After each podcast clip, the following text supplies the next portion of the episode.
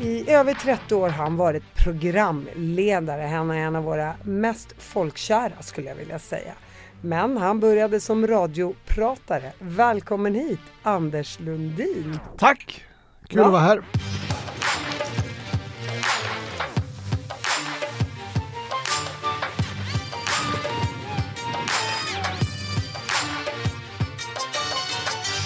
Tackade du ja direkt? Eh, ja, det gjorde jag väl tror jag. Jag tyckte det är, väl, det är roligt att gå och podda lite. Man blir- känner sig, off- man känner sig så otroligt eh, intressant när folk ställer frågor om en i en timme. Så det är, väl, det är väl alltid smickrande. Ja, nej, ja, och sen, det var jättelänge sedan jag var med på någon podd så det var väl dags helt enkelt. Och visste du vem jag var och sådär? Nej.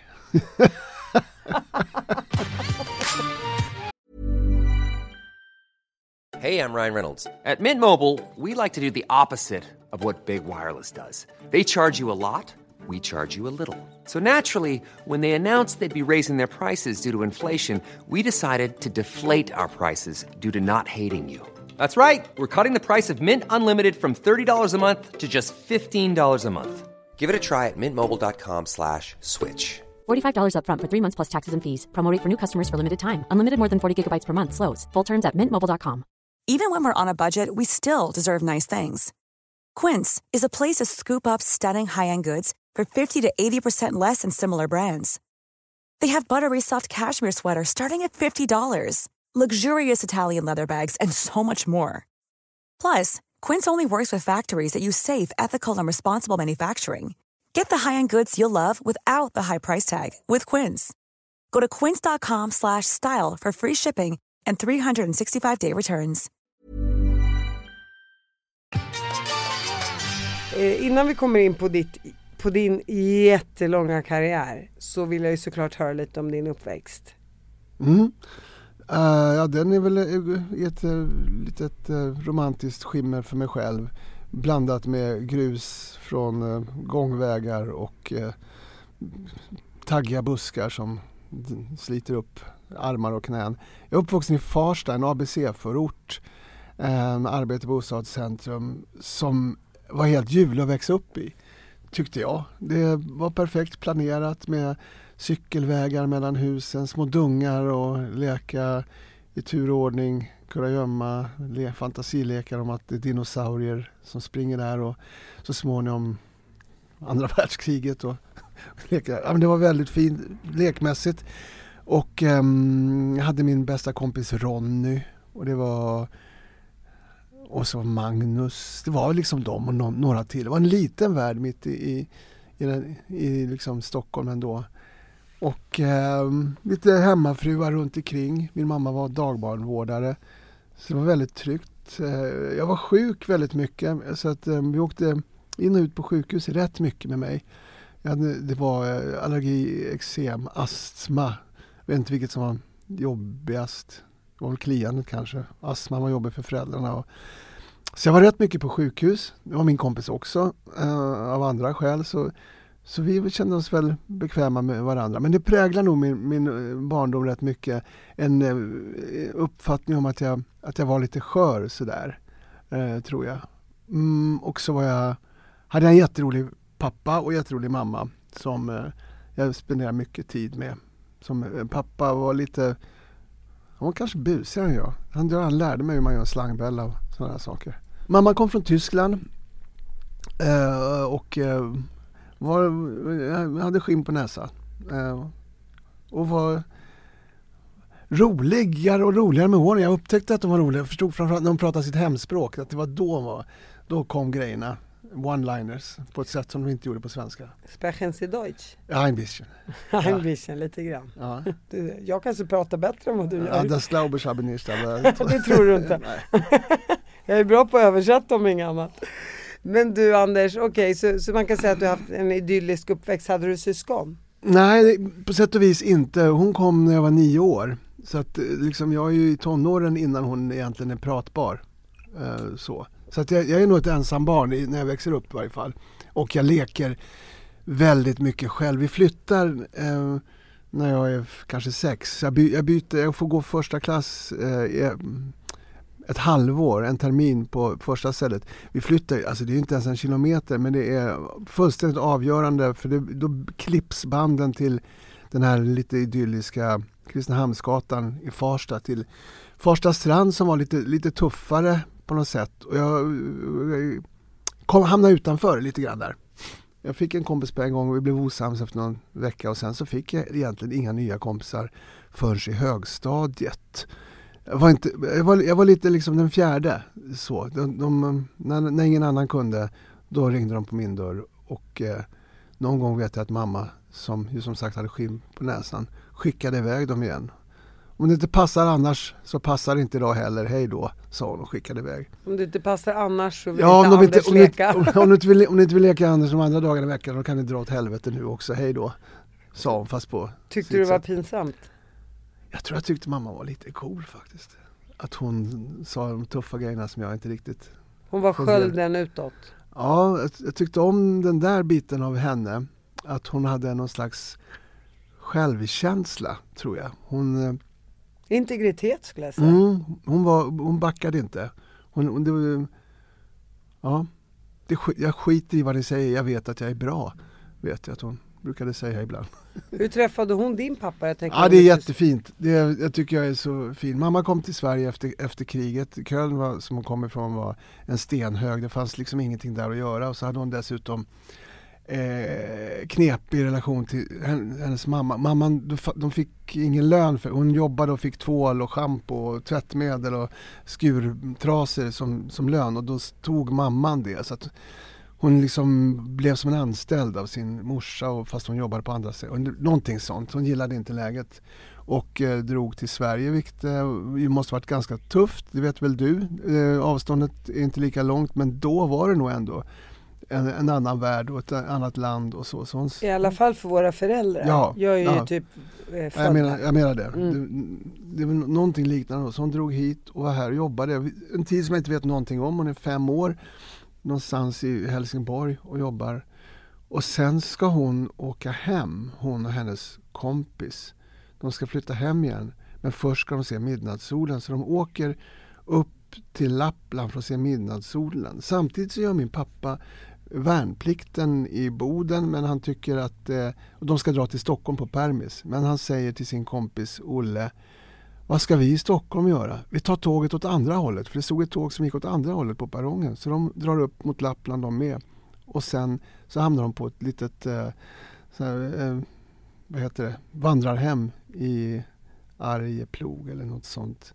Och där så träffar de två tyska brudar och så börjar de spela pingis och sen så and the rest is history. Sen, sen blir de kära och så flyttar de ihop och gifter sig. Och, På tal om ödet. ja, jag tycker så, är, så är alla historier väl om att träffas. Men det här är min historia och den, den skimrar förstås speciellt. Du måste ju ha varit lite av en spelevink eller velat stå i centrum eller lite clown på, på Ja, som var- ung, eller? Det var, hela mellanstadiet så, så vill jag inte alls stå i centrum. Jag är lite som sagt vid sidan av. Så jag är inte riktigt inbjuden. Sen är det, måste jag tacka Ingis och Karina. Plötsligt i sexan så är det en tjej som vill fråga chans på mig. Out of the blue. Jag hade ingen aning om att jag var någonting att ha till någonting. Men hon, eh, det är så här, en, en, en tjej och hennes kompis som börjar hänga runt mig. Och de- ger mig så mycket komplimanger och uppmuntran. Jag, är så rolig och jag, och jag de tycker jag är söt eller gullig eller någonting. Och eh, liksom, de pumpar mig med självförtroende tror jag. Så att när jag börjar sjuan så är jag nog redo för, för att börja bli en, en kul kille. Så någonstans där så börjar jag skoja och upptäcka att folk tycker att jag är rolig. Och den, sen håller jag nog fast vid, vid att vara rolig sådär som man lätt gör i åtminstone tio år. Där jag fokuserar på. Det är så jag hankar mig fram i livet. Jag är en rolig jävel. Um, du verkar vara ja. rätt smart också, men okej. Ja men, ja men det kan man väl vara. Men eh, självförtroendet får man på olika ställen. Jag levde högt på att jag var rolig i en ganska tuff värld. Det var mycket runt omkring bilar som skulle snos, moppar skulle snos, inchack skulle göras, knark skulle intagas och tinner inandas. Det var mycket sånt. Så man måste hitta någon nisch där, där man, där man liksom fortfarande framstår som cool eller någonting. Ehm, Jag har ju hittat en liten egen kompott som var lite mindre risk än de andras och att, att vara rolig var liksom en, en del i det. Och så spela gitarr. Det var, det var ändå lite coolt. Supercoolt. Ja. Jag tycker alla som håller på med ett instrument, det känns så ja, det känns som att, att man är så extra duktig på något liksom. För att många gör ju inte det. Mm, ja men kanske. Ja. Ja. Och så, så tror jag också så att just med instrument, det känns så ouppnåeligt om du inte har det i uppväxten så att säga. Så att man växer upp utan instrument och så, tycker, så kan, kan någon bara köra en liten drullidutt på så här, gitarren. Man bara, men gud vad du är fantastisk och duktig. Men det krävs inte mycket för att man ska imponera med gitarren. Okej, Ja, så är det nog. Jag, jag tror nog att de tyckte jag var, jag kunde nog tre och sen så småningom fem ackord. Och sen, ja men det räckte rätt långt tror jag. Eh, Helt enkelt, ja så, så var det nog. Ja men så Ja, är det ju. ja. Det, det vet jag ju själv hur man... Det var rätt liksom knaper, det var ingen Folk hade ju ingen, inte så mycket, liksom, vi är ju, här är ju tidigt 70-tal och, och i Farsta och det var ju fan ingen som hade, det fanns en kille på Kristinehamnsgatan i något, hans storebrorsa hade, tror jag, en Gibson, en riktig elgitarr som vi, vi någon gång fick komma upp och titta på. Och sen, det var liksom det närmaste. Det var Som- Mona Lisa i loven. Ja, det var så. Det var jättekonstigt. Det var ingen som hade liksom det var ju inga trummor, gitarrer, basar. Först, jag fick jag, så småningom en elgitarr, eller om jag köpte den själv. Men då hade jag ändå ingen förstärkare. Så det var lite magert så. Så jag tror nog att ja, att, spela, att överhuvudtaget spela ett instrument var nog ändå en, en bra grej att ha. När visste du att du ville bli, ja, vad ska jag kalla det för? Mm. Ja, men Ra- programledare, Jag har aldrig radiopratare? vetat. Jag, har all- jag tror att eh, i Farsta så var det ingen som var någonting av föräldrarna. Jag har ingen minne. Jag tror Jannes farsa var golvläggare tror jag. Hans morsa jobbade på tvätt, på tvätten. Kentas farsa var taxichaffis. Sen vet jag inget mer. Vad, no, vad, no, vad föräldrarna gjorde och höll på med, det var, det var helt eh, bortom. Så jag tror inte heller vi hade någon vision av vad man kunde bli. Och, så det fanns ju liksom inget, eh, den världen fanns inte riktigt. Så jag tror inte det, det var så jag, lätt att jag, ha. jag, jag, för, jag förstår exakt vad du menar. Ja. För det är ungefär när folk frågar mig så här, "Jaha, hur hamnar du här i Stockholm och på Östermalm och så vidare.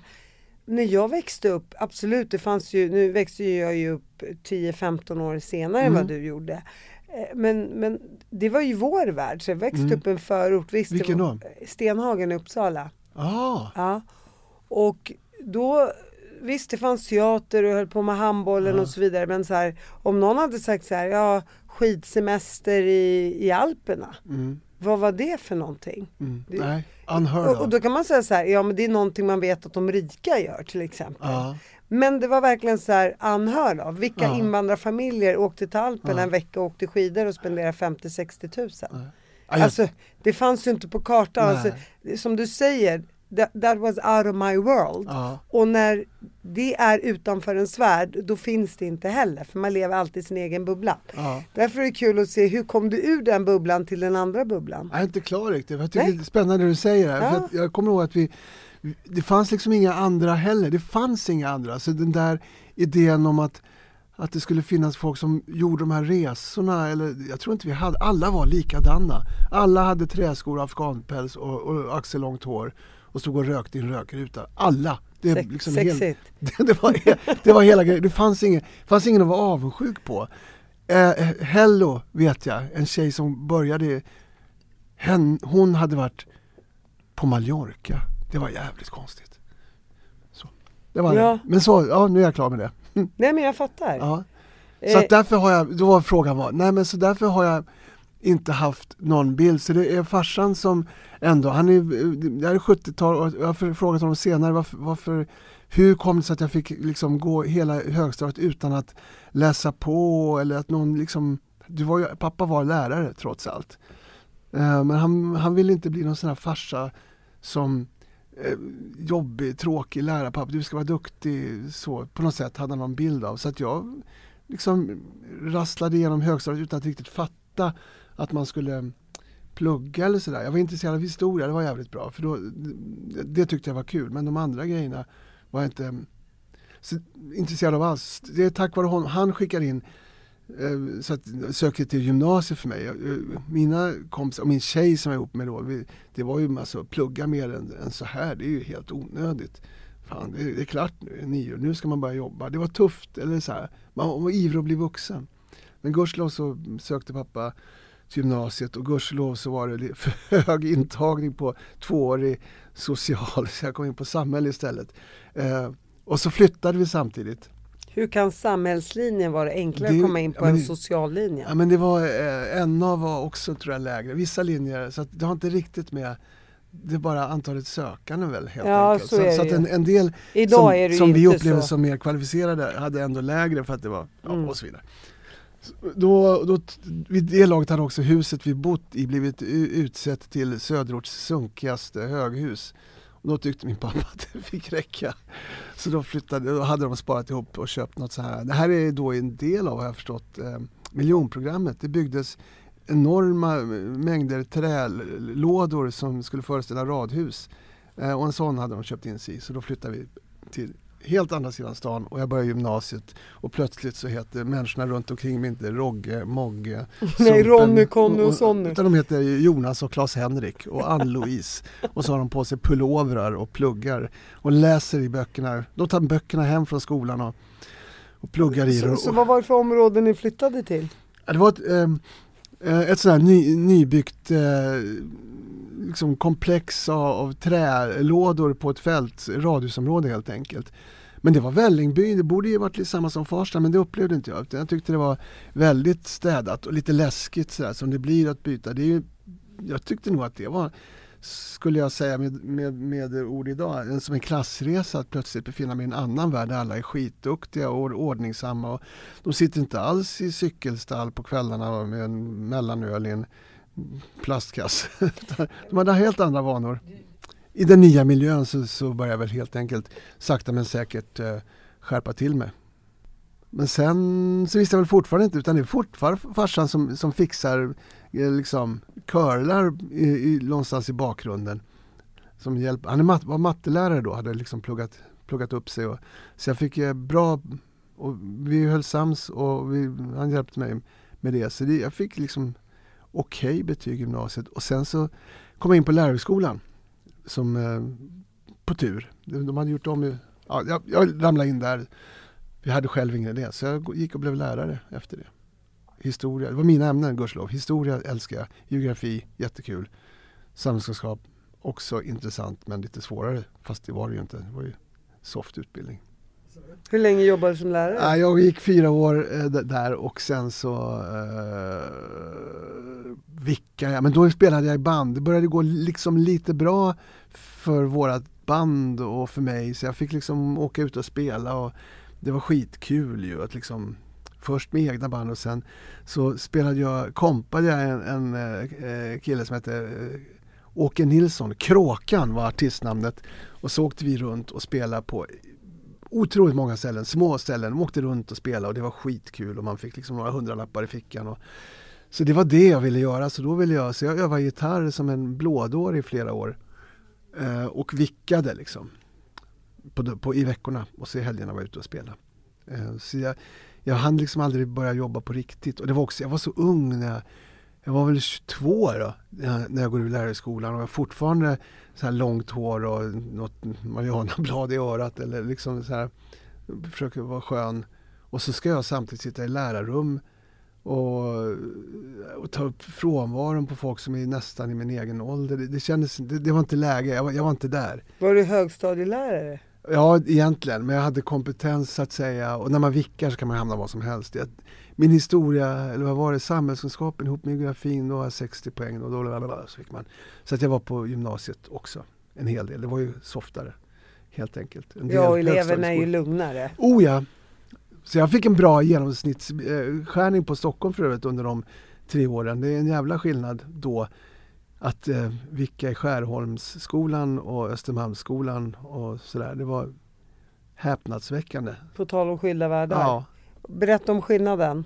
Det var stor skillnad. Jag kommer just vilket i Skärholmen var asjobbigt med liksom 14-åringar som man, man blir så förbannad. De är så helt tvära. Och jag ska åka till stan med dem också. Det, är någon, några, det blir så jävla bråkigt och, och jobbigt så det var helt störigt. Östermalmsskolan var också störigt på annat sätt därför att de hör att jag inte hör till deras stam. Så de är jävligt oförskämda å andra sidan och eh, dryga och respektlösa. Så det var på så sätt kanske Ja, det, det, var, det var sig likt fast på, av olika skäl helt enkelt.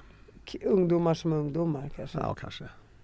Eh, men kunde du se skillnad på någon sån här snofsig mentalitet på Östermalmsskolan? Ja, framförallt var det ju innehållet i liksom, den utbildning de fick så det är klart att de där borta hade en helt annan nivå på vad de lärde sig än i det, det bråkigaste segmenten i de bråkigaste skolorna. Det var en jättestor skillnad så det, be, det behövs inga, inga liksom friskolor. Det är lugnt. Det, den där uppdelningen har ni ändå. Du pratar 70-80-tal.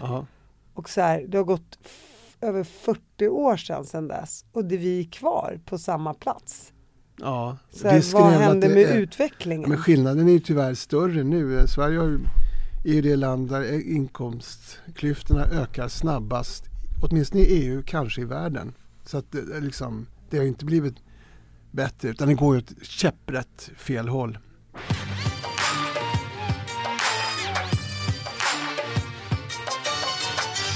Hur hamnade du på radio sen? Um, min dåvarande tjej sa så här. det var inte Kerstin alltså? Nej, att, uh, vet du om, hon var, var trogen fan till vårt band, du är bättre på att prata mellan låtarna än att spela i dem. Eh, och så tjatade hon på mig och eh, stöttade mig och eh, tog mig i hampan och ledde mig in till DI tror jag. Hon hjälpte mig jättemycket. Cissi Renström förresten. Eh, och så ehm, kom jag in på DI. Och det är väl kanske bland det viktigaste som har hänt i mitt liv att jag fick komma in på den skolan och, och fick de möjligheterna. Och, ja, det var helt otroligt. Jag var ju stolt som en tupp och livrädd förstås. Det är man ju alltid när man kommer in på sån här utbildning och tror. Alla som har gjort det tror väl alltid att någon ska säga att det blev fel, det var inte du egentligen. Och jag var en av alla dem. Och berätta, vad var det för utbildning? Eh, radioproducentutbildningen, så det, en, halva delen handlar väl om journalistik rätt mycket. Vi får lära oss, vi får göra radioreportage och radiodokumentärer och läsa lite journalistik. Det är intensivt Eh, men lik förbålt är det väl kanske en snabbkurs sådär. Men jag tycker nog att vi fick rätt mycket på fötterna. Och andra året då, på den tiden, jag vet inte ens om utbildningen finns kvar, då handlade det mer om gestaltande, om, om teater så då gör man en, en radioteaterpjäs. Uh, och sen så är det liksom sista halvåret så slår man ihop allt man har lärt sig och gör något produktion. Vilket tenderar ofta att bli en till radioteaterpjäs fast liksom speglat av exekutörens bakgrund. Det blir ofta någon uppgörelse med, med någon, man tenderar att göra det. Och jag gjorde också någon berättelse om en kille som spelade i band men det var, det var en flummig historia. Men det gick bra. De köpte den på Radioteatern och eh, sen så fortsatte jag där. Så första tiden jag var på Radioteatern och var jätteglad och stolt över det och var ganska bra på ljud. Liksom. Jag var ljudvisionär kanske. Jag hittade på jättemycket. Mm. Och sen så fick någon upp ögonen för mig. Hur lät det då? ja, nej, men jag ljudla. Det, det samplingsynten var, hade uh, gjort det var ju liksom inträde i musikvärlden. Jag hade väl många trådar kvar. Jag gjorde fortfarande låtar och spelade med band. Så. Men Radioteatern hade liksom inte börjat använda den här tekniken. Så de, där fanns folk som var väldigt häpna över vad jag åstadkom med hjälp av en sampler. Som de inte riktigt hade koll på vad det var. Så, jag levde högt på den insikten. Och eh, ljudlade jävligt friskt. Till sist tror jag det vart lite för mycket och någon, någon tröttnade på mina ljudkompositioner. Eh, och efter det då, var det därifrån du kom in på Bolibompa? Jag gjorde väl, jag hade ett program på radio som hette Glädjetåget med sketcher som, som varit ganska stort nu. Det skulle nog, ja men jag varit lite känd för det programmet och det var väldigt populärt. Det var, det var ganska eh, det var sketcher som var väldigt roliga eh, och däremellan så eh, återigen så hamnade jag liksom utanför. Jag hade ingen att vara med så då fick jag då var det Kerstin Fransén som producent som tyckte jag skulle vara programledare.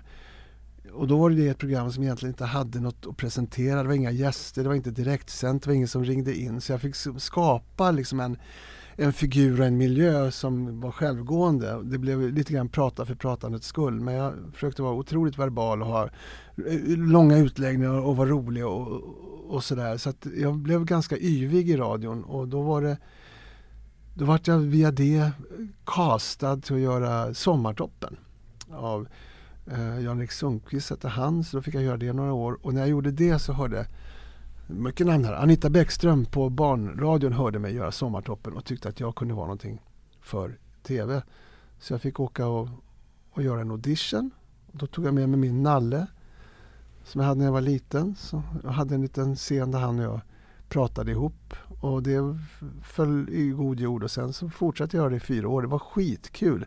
Jag satt med, jag hade gjort ett litet skrivbord av skokartong till min nalle som satt bredvid mig och var liksom och så pratade jag med Nallen hette för övrigt egentligen Christer Pettersson döpt efter trummisen i popbandet Hepstar som var stora på 60-talet.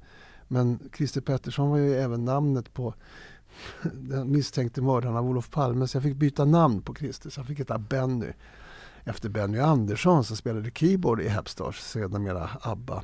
Egentligen var det en noshörning som hette Benny. Men nu var det björnen som fick heta Benny. Och så jobbade vi ihop i fyra år. Det är en av de bästa kollegor jag haft måste jag säga. Vi hade väldigt kul ihop.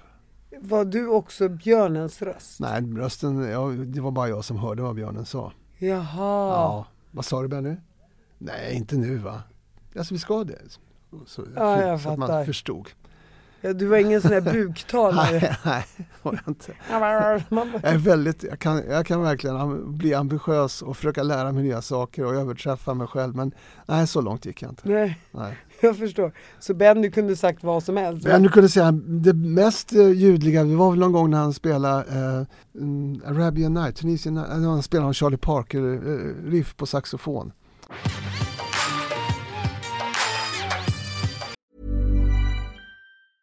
Hiring for your small business? If you're not looking for professionals on LinkedIn, you're looking in the wrong place. That's like looking for your car keys in a fish tank. LinkedIn helps you hire professionals you can't find anywhere else, even those who aren't actively searching for a new job but might be open to the perfect role. In a given month, over 70% of LinkedIn users don't even visit other leading job sites. So start looking in the right place. With LinkedIn, you can hire professionals like a professional. Post your free job on linkedin.com slash people today.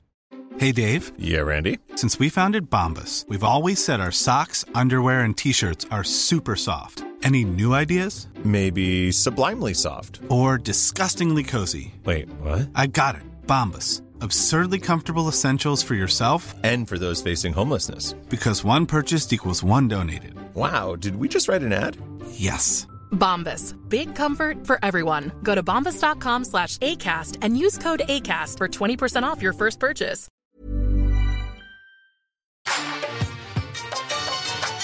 Din karriär har ju ändå varit befintlig inom tv-branschen. Du har ju funnits med hela tiden. Alla ja. vet ju, du, du har ju blivit en folkkär programledare. Hur länge höll du på med Allsång på Skansen?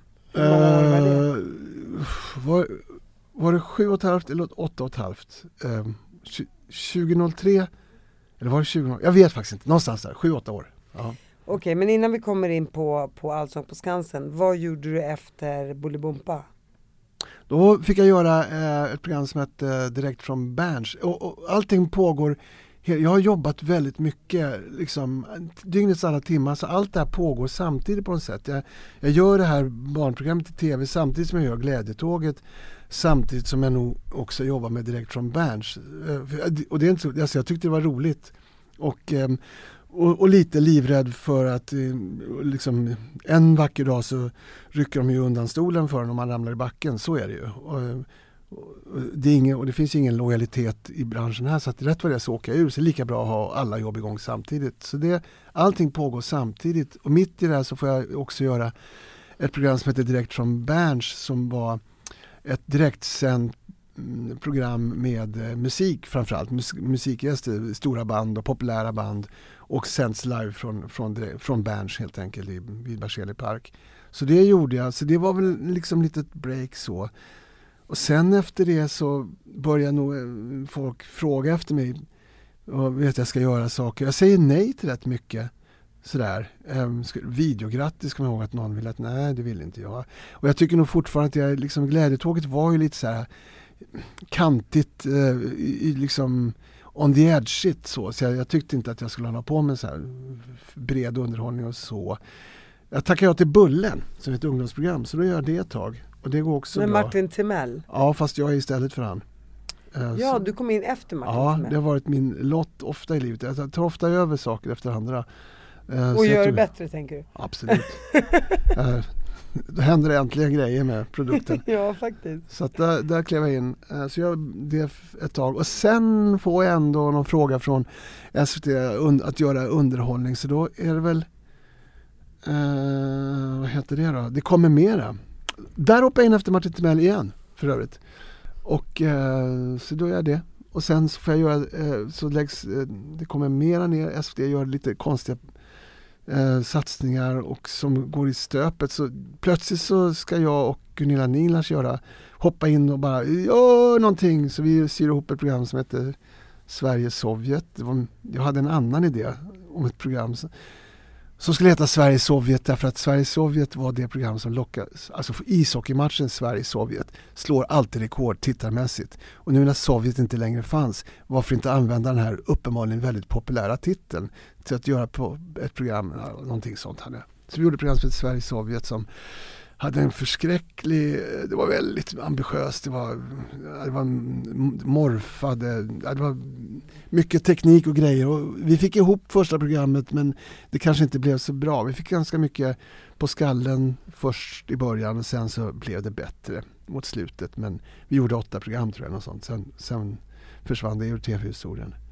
Och jag med, för där tyckte jag att nu fick det räcka. Nu vill jag gå tillbaks till att göra det där som jag trodde jag skulle göra egentligen. Så jag gjorde en föreställning med mina låtar och texter på, eh, på Mosebacke. Satte upp ett band.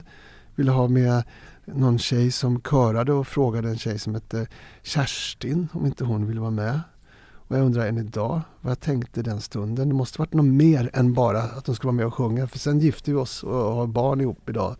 Så det var ett lyckokast, verkligen. Kanske det viktigaste beslutet i mitt liv att sätta upp den här showen, slår mig nu. Och hur fick du tag på Kerstin? Ja, men jag har umgåtts eh, mycket med folk som spelar musik och med ett gäng tjejer som sjöng jazz och hade gått på Akis och hon dök upp i det gänget. Så du visste vem hon var redan innan du ville ha med henne i din show? Knappt. Jag hade sett henne någon gång. Och tänkt vad då? Vilken söt tjej helt enkelt. Som man ju ofta tänker när man, när man träffar när man träffar Ja, jo, hon satt på soffkanten. Min lägenhet var som en liten hubb för, för de här. Jag, den var för lite, Kerstin? Nej, men för, den var lite större än de, de andra så de, de, hade nyckel och så kom de ofta dit och satt där och repade och sådär. Så det var... Och då var Kerstin med? En dag när jag kom hem så satt hon på soffkanten i eh, ja, jag kan visualisera bilden i, eh, vad heter det, snickarbyxor. Det var, det var tydligen, jag tyckte det var väldigt uh, sött. Var det som med pappa och mamma, kärlek vid första ögonkastet? Ja, det var, så hade hon fantastiskt stort lockigt hår som inte gick att, att missa. ja, det var eh, så. Så det var nog egentligen det viktigaste som hänt att jag hoppade av. Men så gjorde han den där showen med jag, henne. Vänta, innan du fortsatte. Ja, jag kände att det gick fort där. Va? blev Kerstin kär i dig vid första ögonkastet? Det har jag ju faktiskt aldrig frågat. Men jag kommer ihåg, hon såg, ja, men jag, hon såg väldigt glad och finurlig ut. Eh, det kommer jag ihåg. Jag kan liksom framkalla precis det ögonblicket eh, i, i minnet. Um, så att det finns väl anledning att tro att någonting hände i varje fall. Uh, ja, det var det. Nej, men sen spelade den här föreställningen på Mosebacke. Då kom det folk dit och tittade på den. Bland annat uh, SVT-chefen Svante Stockselius tyckte jag var skojig och rolig. Och så fick jag förnyad förtroende. De ville ha tillbaks mig. Var det då? då ska jag göra Melodifestivalen plötsligt. Och så småningom Vilket år är det här? Det här är 99. Och Robinson, just det! Hela redaktionen för Robinson tvingade jag gå och se på min föreställning. Men då hade jag ju fått det jobbet redan på något sätt. Ja, det, det sprakade till där, men det viktigaste av allt var att Alan Evans och Hans Marklund kom upp från Hamburger Börs och tyckte att jag var, var rolig mellan låtarna, som vanligt. Um, och de skulle sätta upp en, en ny grej på Hamburger Börs. Det skulle vara roligt. De hade upp det. Gästerna är gladast när de har fått skratta. Nöjdast är de. Det, spelar, liksom, det är det viktigaste. De ska göra en humorshow. Och då blev jag tillfrågad att vara med på den. Och det är väl den kanske lyckligaste stunden i mitt yrkesliv egentligen. Att jag får jobba med roligt, elakt, aktuellt rea på Hamburger Börs. I, det blir 15 år innan vi är klara. Men, och det, jag har sett dig där. Har du det? Mm. Men visst var det väl roligt? Jättekul. Ja, tack. Sen kommer inte jag ihåg alla skämten. jag vet, det är jättekonstigt. Det var ju bara 20 år sedan. Men jag har varit på flera, flera av de där rea. Ja. Eh, roligt, elakt, aktuellt. aktuellt ja. ja. absolut. Det är så det är, nu när du drar upp det, jag bara, men gud, du har ju varit på några sådana där. Aha. Men alltså du skulle kunna fråga vad vi åt till middag igår så har jag glömt bort det. Ja, jag med. Vad du åt. Jag kommer ihåg vad jag åt. ja, nej, men alltså jag minns ju nej, typ ingenting. Det är bara en dimma nej, i det här herregud. huvudet. Så är det för mig med. Och det är inte så konstigt heller. Det har varit så mycket Hela tiden så har jag jobbat parallellt. Det har aldrig varit att jag jobbat med en sak i taget. Utan jag har alltid gjort tre grejer. För att jag har gått, för att jag har haft tur, för att det har varit så roligt och för att jag vet att rätt vad det är så det går, det går fort i hockey. Men, men jag tänker ändå så här, när man var programledare på 80-90-talet innan år 2000 eh, Kabel-tv kom ungefär eh, i och för sig i början av 90-talet där. Men innan det var det ju bara SVT i stort sett. Var konkurrensen lika hård då som den är idag med alla influencers och Instagram och allt det, hela den här eh, AI-världen, vad man ska kalla den för? Jag, vet, jag tror att kanske min smala lycka på sätt och vis var, du frågade initialt vad jag vad hade för plan eller när jag trodde, så att jag inte haft någon. Jag har konstant varit förvånad över det som händer. Att jag, att liksom jag får frågan, att jag kommer in på det, att jag får göra radioteater, att de vill att jag ska göra barnprogram. Liksom, det, jag är alltid, så att säga, jag känner alltid att jag är på topp. Det kan inte bli bättre. Och sen så får jag bullen och det, alltså det, det kan inte bli bättre. Och sen får jag det här direkt från Berns, ja men herregud vilken grej, det här får jag göra. Så, och jag tror ju alltid att det är det som är liksom pikar och sen ska jag gå tillbaks. Jag har alltid trott att det här, nu är det piken och sen får jag plötsligt göra Här kommer man till T-korsningen. Ja, och sen, eller det är bara, det är bara en rondell. Ja, ja, det är en rondell, jag ska tillbaks igen. Jag har alltid trott att jag ska tillbaks igen. Ja. Och så har det varit hela vägen och sen tog jag beslutet själv att nu ska jag tillbaks igen.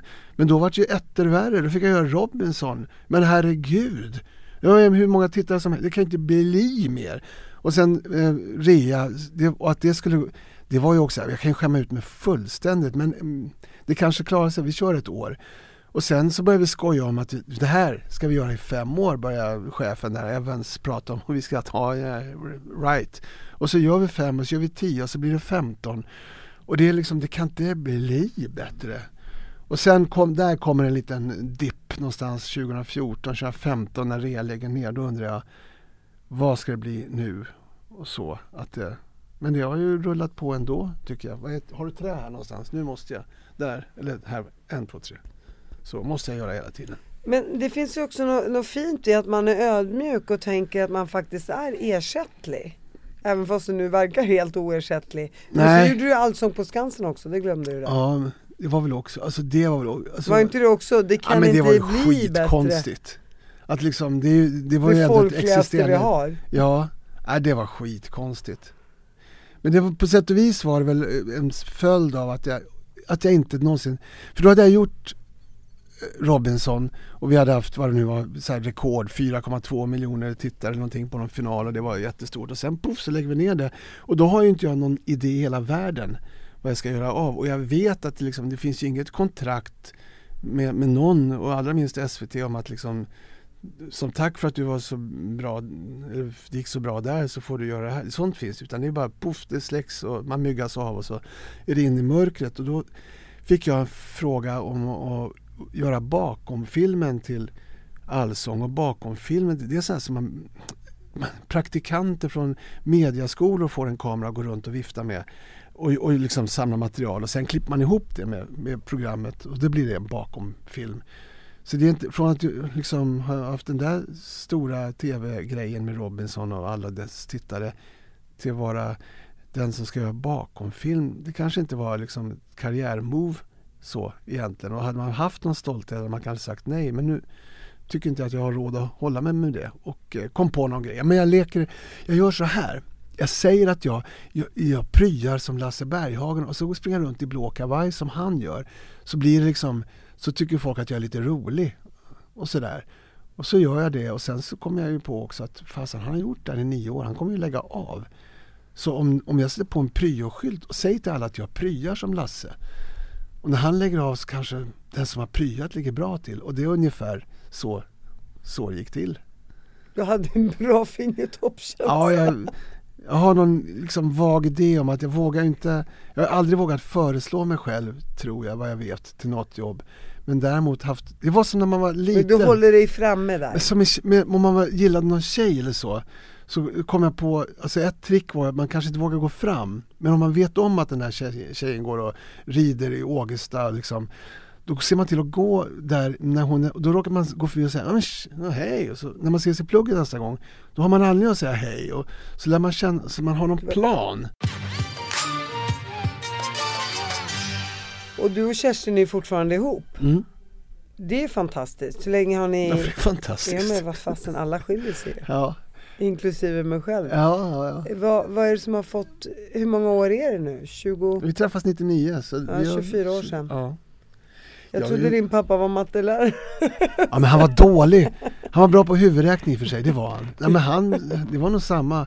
Han fick inte bli den, han hade nog gärna blivit historielärare tror jag, men det, han kom inte in. Han var inte- nog säkert han jättebra. Han var bra. Men 24 år, hur har du fått det att hålla? Jag tror inte jag förstår frågan riktigt. Det har, det har Jo, inte men känts som en jag- utmaning riktigt. Vi har väl haft kul, vi har jobbat, jag tror att, det, är att vi har roligt, att det händer ju mycket i bägges våra liv. Hon har ju liksom haft en, en resa på sin kant som har liksom varit fantastisk. Det har varit jättekul. I början där då var det mycket melodifestival och köra liksom var med där som var roligt och liksom kul uppdrag och sen har hon haft hon jobbar ju musik så det liksom helt, riktigt tråkigt kan det, jobbigt kan det bli men tråkigt tror jag fan inte hon har det någonsin. Och sen så, ja, men hon har haft kul och sen var det eh, ut och turnera med ja, lite jag av tänker varje. mer er relation. Ja, jag pratar om den på Ja. sätt och vis. Och Ja. sen, så jag tror att, att vi liksom, dels är vi ifrån varandra ibland då. Och, och liksom, vi, vi går inte och nöter och gör samma sak. Ingen dag. Vi har, nej men det är väldigt eh, rörigt i, i våra liv. Så, det, så jag tror att tråkigt har vi nog aldrig haft. Finns det en passion fortfarande? Ja, det tycker jag. Alltså, det var konstigt så. Ja, Inte när jag frågar Kerstin. Jodå. jo men det, det tycker jag att det gör. Alltså jag, det jag var på vippen att säga, fast det låter så klyschigt, mer nu än någonsin. Det, det låter bara så pajigt och, Nej, jag tycker det låter säga. Ja, fantastiskt. jag tycker när folk, jag kräks när andra säger det. Ja, men jag, jag bara, Nej det gör jag inte. Nej det gör jag inte. Men, men, men så tycker jag nog, jag kommer inte ihåg att det varit starkare band och känslor mellan oss tidigare än, än vad det är nu.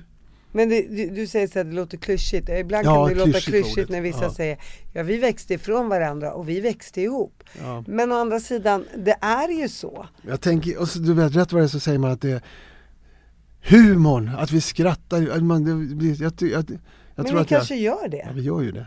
Ja.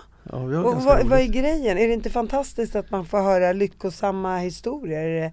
Eller jag älskar att höra lyckliga Ja, men mest av berättelser. allt är det att vi känner, liksom, det är klart att man är irriterad ibland men, men vi känner igen oss själva i varandra. Alltså, man har en stor förståelse för den andra. Det tror jag på något sätt, jag kan inte sätta fingret på, men det är någonstans där det ligger att jag att den bild hon har av mig stämmer överens med, med vad jag själv har. Alltså vi, vi, Ni är synkade. ja, på något sätt. Ibland så gör man någonting konstigt som är idiotiskt och, och, man, så, och så säger den andra, men jag förstår. För Huvudsakligen då när det är något man har gjort mot någon annan. Då Men det kan vara att ni är lite av också, lite av själsfränder. Ja, kanske. Förstår att man förstår varandra Ja, rent så det. jag, själsligt. tycker, jag tycker vi förstår varandra rent Eh, själsligt. Men jag tänker så här, under, under alla de här åren, så här, har du aldrig blivit attraherad av någon annan? Eller jag menar, jag kan tänka mig att många har dragit till dig ute på krogen ute och du är kändis och jag, Nej, jag tycker faktiskt... Jag tror också att jag... Du har stängt den dörren Ja, kanske? så kan man Jag stängde den dörren. Du så. ser bara Kerstin? Ja, jag skulle, skulle dyka upp, jag skulle springa därifrån och så. Alltså det, nej men eh, jag tror helt enkelt att det var liksom, jag, jag tror hon också gjorde det. Jag tror inte vi har ens lekt med tanken riktigt. Så. Det låter också enkelt och Och ni har två barn. Jag Mm. menar, så som man förstår på dig så jobbar du ju väldigt, väldigt mycket, eller har Mm. framförallt. Mm. Jag vet inte hur ditt, ditt liv ser ut just men nu. nu har men- det ju brakat loss som, som jag aldrig varit med om. Helt plötsligt ska jag plötsligt sitta här och göra en podd mitt i allt. Kan det bli bättre ja, nu än så ska, här? sen ska jag ju iväg, herregud. Jag ska ju P1 efter det här och innan var jag på någon jävla möte om böcker. Och Men Anders, är kan det bli bättre än så här? Kan det bli? Nej men så är det ju. Det här Ja, är ju ja. fan, alltså Du, du kommer här- tillbaka in i rondellen, in the zone. peppa peppa, nu är Ja. en, två, Peppa, tre. ja exakt, Ja, peppa peppa, dryg, får vara med i. Bettinas Men, eh, ja. skilda möten, det är ju perfekt. Ja. Era barn, eh, Ja. förstår de hur bra de har det med två lyckliga föräldrar? Jag tror de förstår hur bra de har det. det jag vet inte resten, sen man, man har väl ingen referens till, till, någonting annat så. De bor ju i liksom ganska ombonad del av världen så att det, man har väl ingen större inblick i, i alternativa världar så. Men jag tror absolut att jag, upplever dem som tacksamma, obortskämda eh, och sådär. Så att ja, jag tror att de tycker att de har det bra och att de uppskattar det. Inte att de är, tror att det är självklart. Jag tänker, du, ska ju, du har ju precis lagt av med Robinson nu. Mm. Din senaste. Hur, hur Mm. många år har du hållit på med Robinson? Om du To- räknar, total Tutti. inalles så blev det min sjätte säsong detta. från 99 till nu. Ja, jag gjorde 99 till 2003 och sen Ja. så har jag inte gjort Robinson förrän Fyra år. Och nu har du gjort två fem faktiskt. Fem? Ja, nu har jag gjort en säsong. Nu har gjort en säsong. Varför hoppar du av nu? Nej men det, de gjorde en, en extra säsong och jag fick frågan om jag ville hoppa upp och, och göra den. Och hur kändes det efter alla år? Skitkul var det. Det var jätteroligt och var så konstigt, eh, märkligt bekant liksom. Hoppa i ja, men de där kakikläderna och, och gå på en sandstrand och prata rakt in i en kamera och blänga och säga några allvarsamma ord på sjörövarspråk. Ehm, det, var, det var väldigt bekant och det var väldigt roligt och så älskar jag att vara i den. Jag älskar ju på något sätt alltså regnskogar och tropiker och spännande miljöer och syrsor och, och som spelar och kon, ödlor som krafsar omkring. Jag tycker det är en jäkla härlig miljö att vara i. Skulle du säga att Robinson har förändrats sen de första åren Ja, ja, du var med? Absolut. Ja. Får de äta mindre mat eller? Ja, den biten är, är ganska lik tror jag. De får Eh, ingenting med andra ord. Ja, de har- får ju, de får ju färskvatten. Man kan ju bli riktigt sjuk på allvar. Mm. Eh, Ja, ska vi säga, är de inte lite väl hårda mot alla som är med tänker jag? Ja, jag tycker att det, det är jävligt tufft. Speciellt i början när de ramlar in i det där. Så det ju, då och då är det ju några som inte riktigt är beredda på hur tufft det är. Eller som Um, ja, men att omställningen blir för plötslig. Så att precis i, i början är det, är det skört. Um, värmen och även om det finns vatten, alltså man, man svettas så mycket, man måste dricka så jäkla mycket så det är svårt att komma ihåg och, och liksom pimpla i allt det där vattnet och, och, och så den här bristen på mat och nya miljön, allting och sover dåligt, kallt på nätterna, varmt på dagen. Så det är ju lätt hänt att, det, att någon i början eh, mår väldigt dåligt så. Men, men det är inte meningen att man ska få bestående men av det här. Vi, det, vi har ju gott om läkare och eh, liksom närvaro av sjukvård så. Så att eh, långt innan det händer så, så utgår jag från att det att har, liksom man plockar ut någon i så fall. så, ja, jag förstår. Men sen också så tänker jag att det är så jäkla krävande. Jag har ju tittat på en del Robinson. De, de gör ju fysiskt krävande tävlingar. Ja, jag förstår faktiskt inte. När, när, Hur fasen klarar de Ja, det jag utan mat det. i kroppen? Jag- i kroppen? ja, att de ens orkar. Ja, det är helt otroligt. Ja. Men jag tycker alla är fantastiska som är med. Ja, jag så- också jag det. säger det, det enda programmet Ja. jag inte kan tänka mig vara med Men det är värsta av Robinson. allt tror jag, det är, liksom, det är när, när det är sandlopper. Eller jag vet, det är väl olika för olika, men, men det skulle jag tycka var det allra jobbigaste. Det är ju jobbigt nog att ja, men vissa ställen vi har bott på så har vi också haft sandlopper. Så, alltså, de- den klådan är ju outhärdlig. Så att ja, det, de är Då tuffa får man inte ens en allihop. salva. Och, Nej, det spelar ingen roll, det finns ingen salva i världen som hjälper mot klåda i någon form, allra minst det där. Så att, eh, nej, nej fy fan. De är tuffa tycker jag. då får, får de ha sunscreen.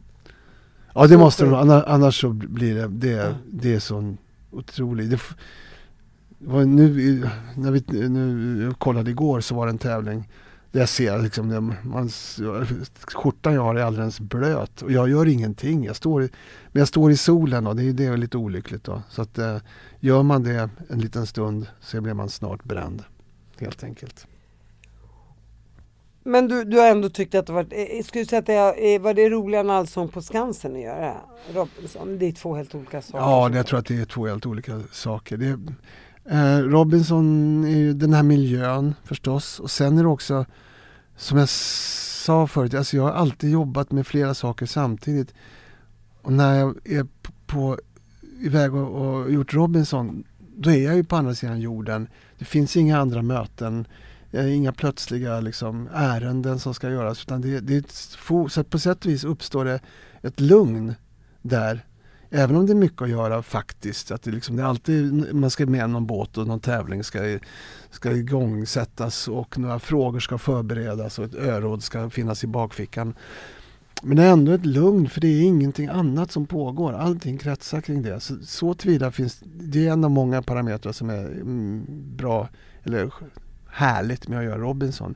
Sen var ju allsången eh, det är klart att liksom den där miljön och mi- mitt, stå mitt ibland så mycket för det mesta bra och fin musik var ju otroligt roligt. Och publik, det tycker jag ju det tycker jag jättemycket om såklart. Det är, jag- det blir en, det är som en sån här cirkushäst. Man börjar vakna till liv om folk klappar i händerna så. Då spritter man till. Och där jobbade du med frugan. Mm. Hon jobbade innan mig och efter mig. Undrar, hon har nog avverkat flest programledare. Alltså hon har stått där i, i 13 säsonger tror jag. Jävligt mycket mer än både mig och Lasse. Så ja, men hon, hon var där ja. Och hur var det att jobba med frugan bakom dig då? Ja, men det är ju jättebra. Det är ju väldigt eh, praktiskt. Och, och samma jobb och kunna prata om, om samma människor och, och liksom ha samma irritationer och glädjen. Liksom. Så att, Och ni håller ju alltid med varandra. Ja, men på jobbet gör vi nog det. Ja, inte hemmet. Nej, men sen fick ju, hon är ju väldigt, eh, hon är ju proffs helt enkelt. Hon är musiker. Så där får, jag har ju liksom fått mycket coachning jag kan alltid fråga om det ska vara, om det är subdominanten nu eller om det är dominanten bara eller vad det nu är. Så jag, jag kan alltid mm, få, eller coachning, och röst, hon är ju röstpedagog. Och det har jag behövt mycket hjälp med också genom åren. Så att, eh, Är era barn musikaliska? ja. Kul. Men de är inte riktigt påt. De är, sjunger skitbra, de har så jävla lätt för sig. Men liksom, de spelar ett piano och så sitter de i, i tio minuter och då har de liksom, de fattar.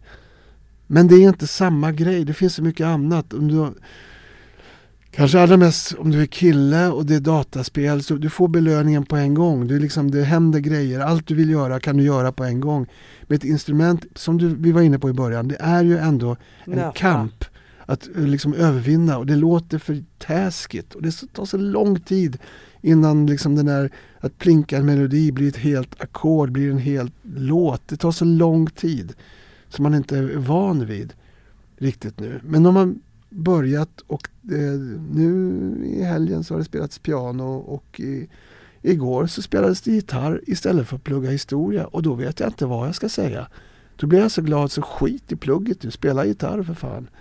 Ja, men jag förstår känslan. Mm. Eh, För man blir så glad i själen själv, för det är ens egen passion på något Ja, sätt. och jag vet ju vilken liksom lycka det har varit i mitt liv. Eh, Att eh, alla, eller jag vet inte om det är alla, men man måste ju för mig, få, känns man måste få ut det där som man bär på inom sig. Om det är, man har någon känsla, man ser någonting, man får en idé, man, vill ha, man söker ett uttryck. Jag, hade varit, jag skulle velat vara bra på att måla, jag tror att det, hade varit, det liksom ändå är det optimala. Att liksom form, liksom, i färg eller for, liksom forma, formera liksom det man har inom sig. Det, det tror jag är en bra form. Eller skriva såklart. Eller spela ett instrument. Eller man må, att, att ha den här Kreativt. ventilen är, är så otroligt viktigt. Och ibland kanske också att man, man, man har eller tälja eller snickra. Liksom man måste få ut den där andra delen. Det som är en stor del av att vara människa. Fantasin, det osägbara, det, det drömda, det liksom ogreppbara. Att ändå formulera det, omvandla det i någonting. Och då kan musik vara en jättebra grej för det. Skulle du kunna tänka dig att göra Robinson igen? Mm, det skulle jag kunna tänka mig att göra. Nu tar Pam över efter dig här, eller? Mm, mm. Hur känns det då? Hade du velat vara kvar eller? Frågan gällde att göra den här säsongen och, så, och jag tycker att eh, jag, blir, jag, är- jag är jätteglad över den här säsongen. Sen, sen är det inte hugget i sten heller. Vi får väl se om de gör två säsonger per år. Om de tar något sådant beslut. Och antar jag att frågan kommer tillbaks och då tar jag ställning till det när det händer. Nu ska du göra allt för Sverige. Ja. Och du, du söker upp ättlingar i USA och tar hit dem till Sverige. Ja, alltså svensk, eh, Svenska ättlingar, ja. svenska amerikaner som, de som utvandrade för 100-150 år när, sen när Sverige var ett land som alla ville fly ifrån. Eh, de får komma hit och, och söka sina förlorade svenska rötter och det blir ju väldigt känslosamt när vi ger dem deras historia och de, får, de, de som kommer hit, för dem är det väldigt angeläget. De har sökt till programmet av, ett, av en orsak och nu är de här och de vill veta varför deras familj har blivit som den blivit, varför de är som de är.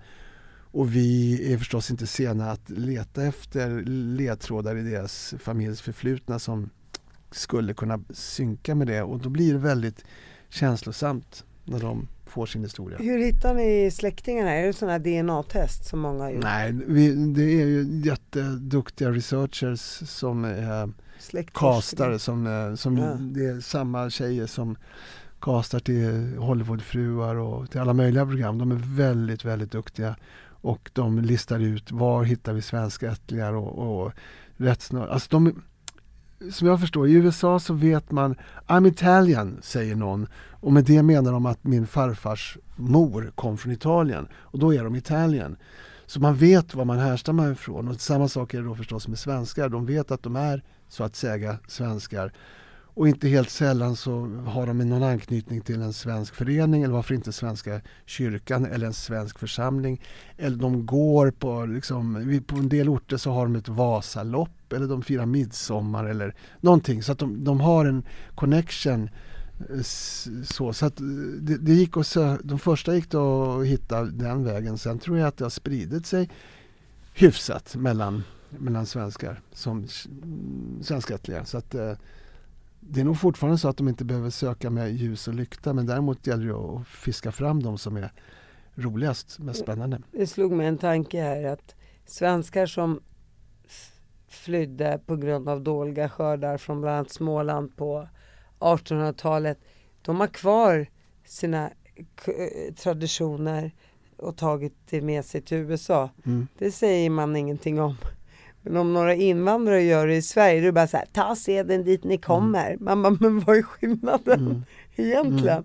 Och det är Precis. väl härligt att de kan få ha sin midsommarfest där och åka Ja. Vasaloppet och vad det nu är. Men det är inget, det är så här, är det ingen som kan tänka så här, ja det är mänskligt att man gör Mm. det.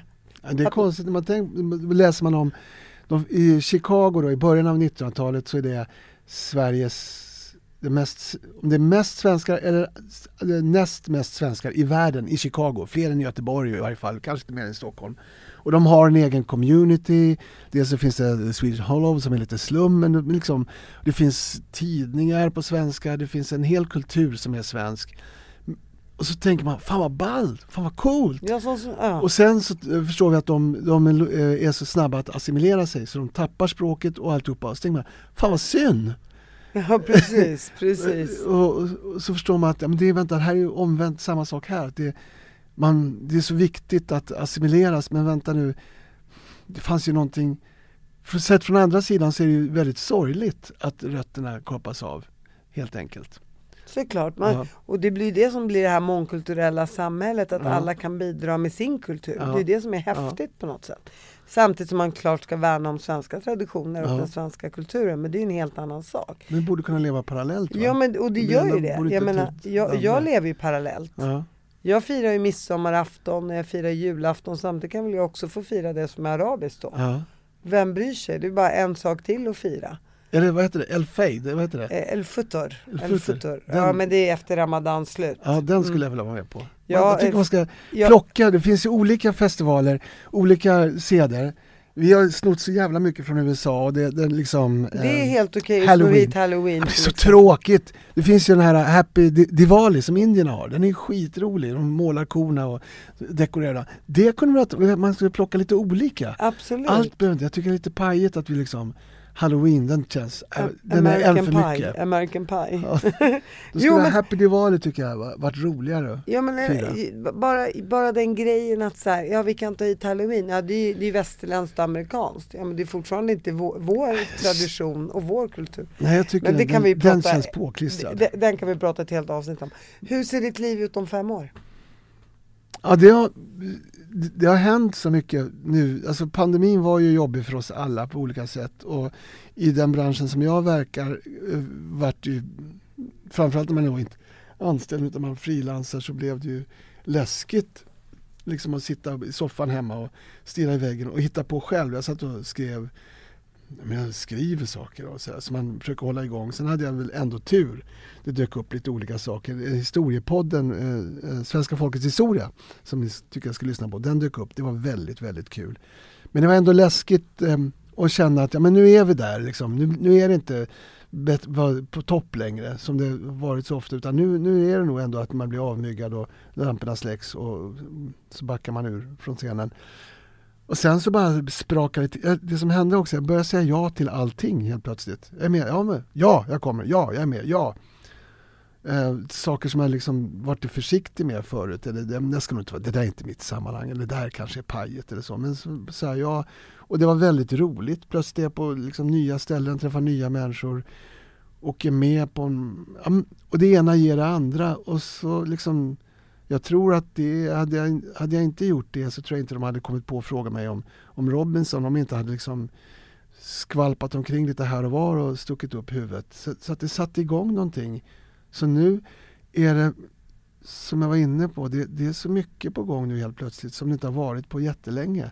Så jag tror nog att jag håller på med en massa saker. Man får, jag har en pjäs just nu i Uppsala, och Olof Olof om Olof Rudbeck, en komedi eller om det är en musikal eller om det är både och.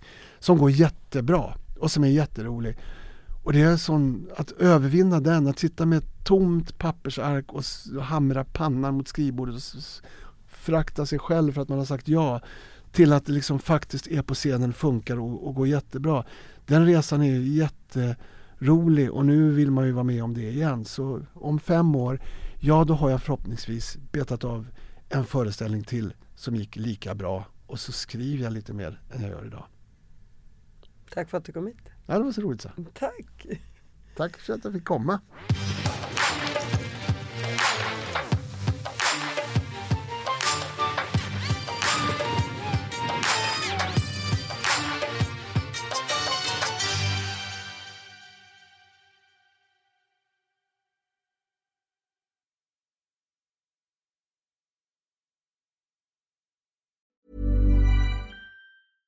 Even when we're on a budget, we still deserve nice things. Quince is a place to scoop up stunning high end goods for 50 to 80% less than similar brands. They have buttery soft cashmere sweaters starting at $50, luxurious Italian leather bags, and so much more.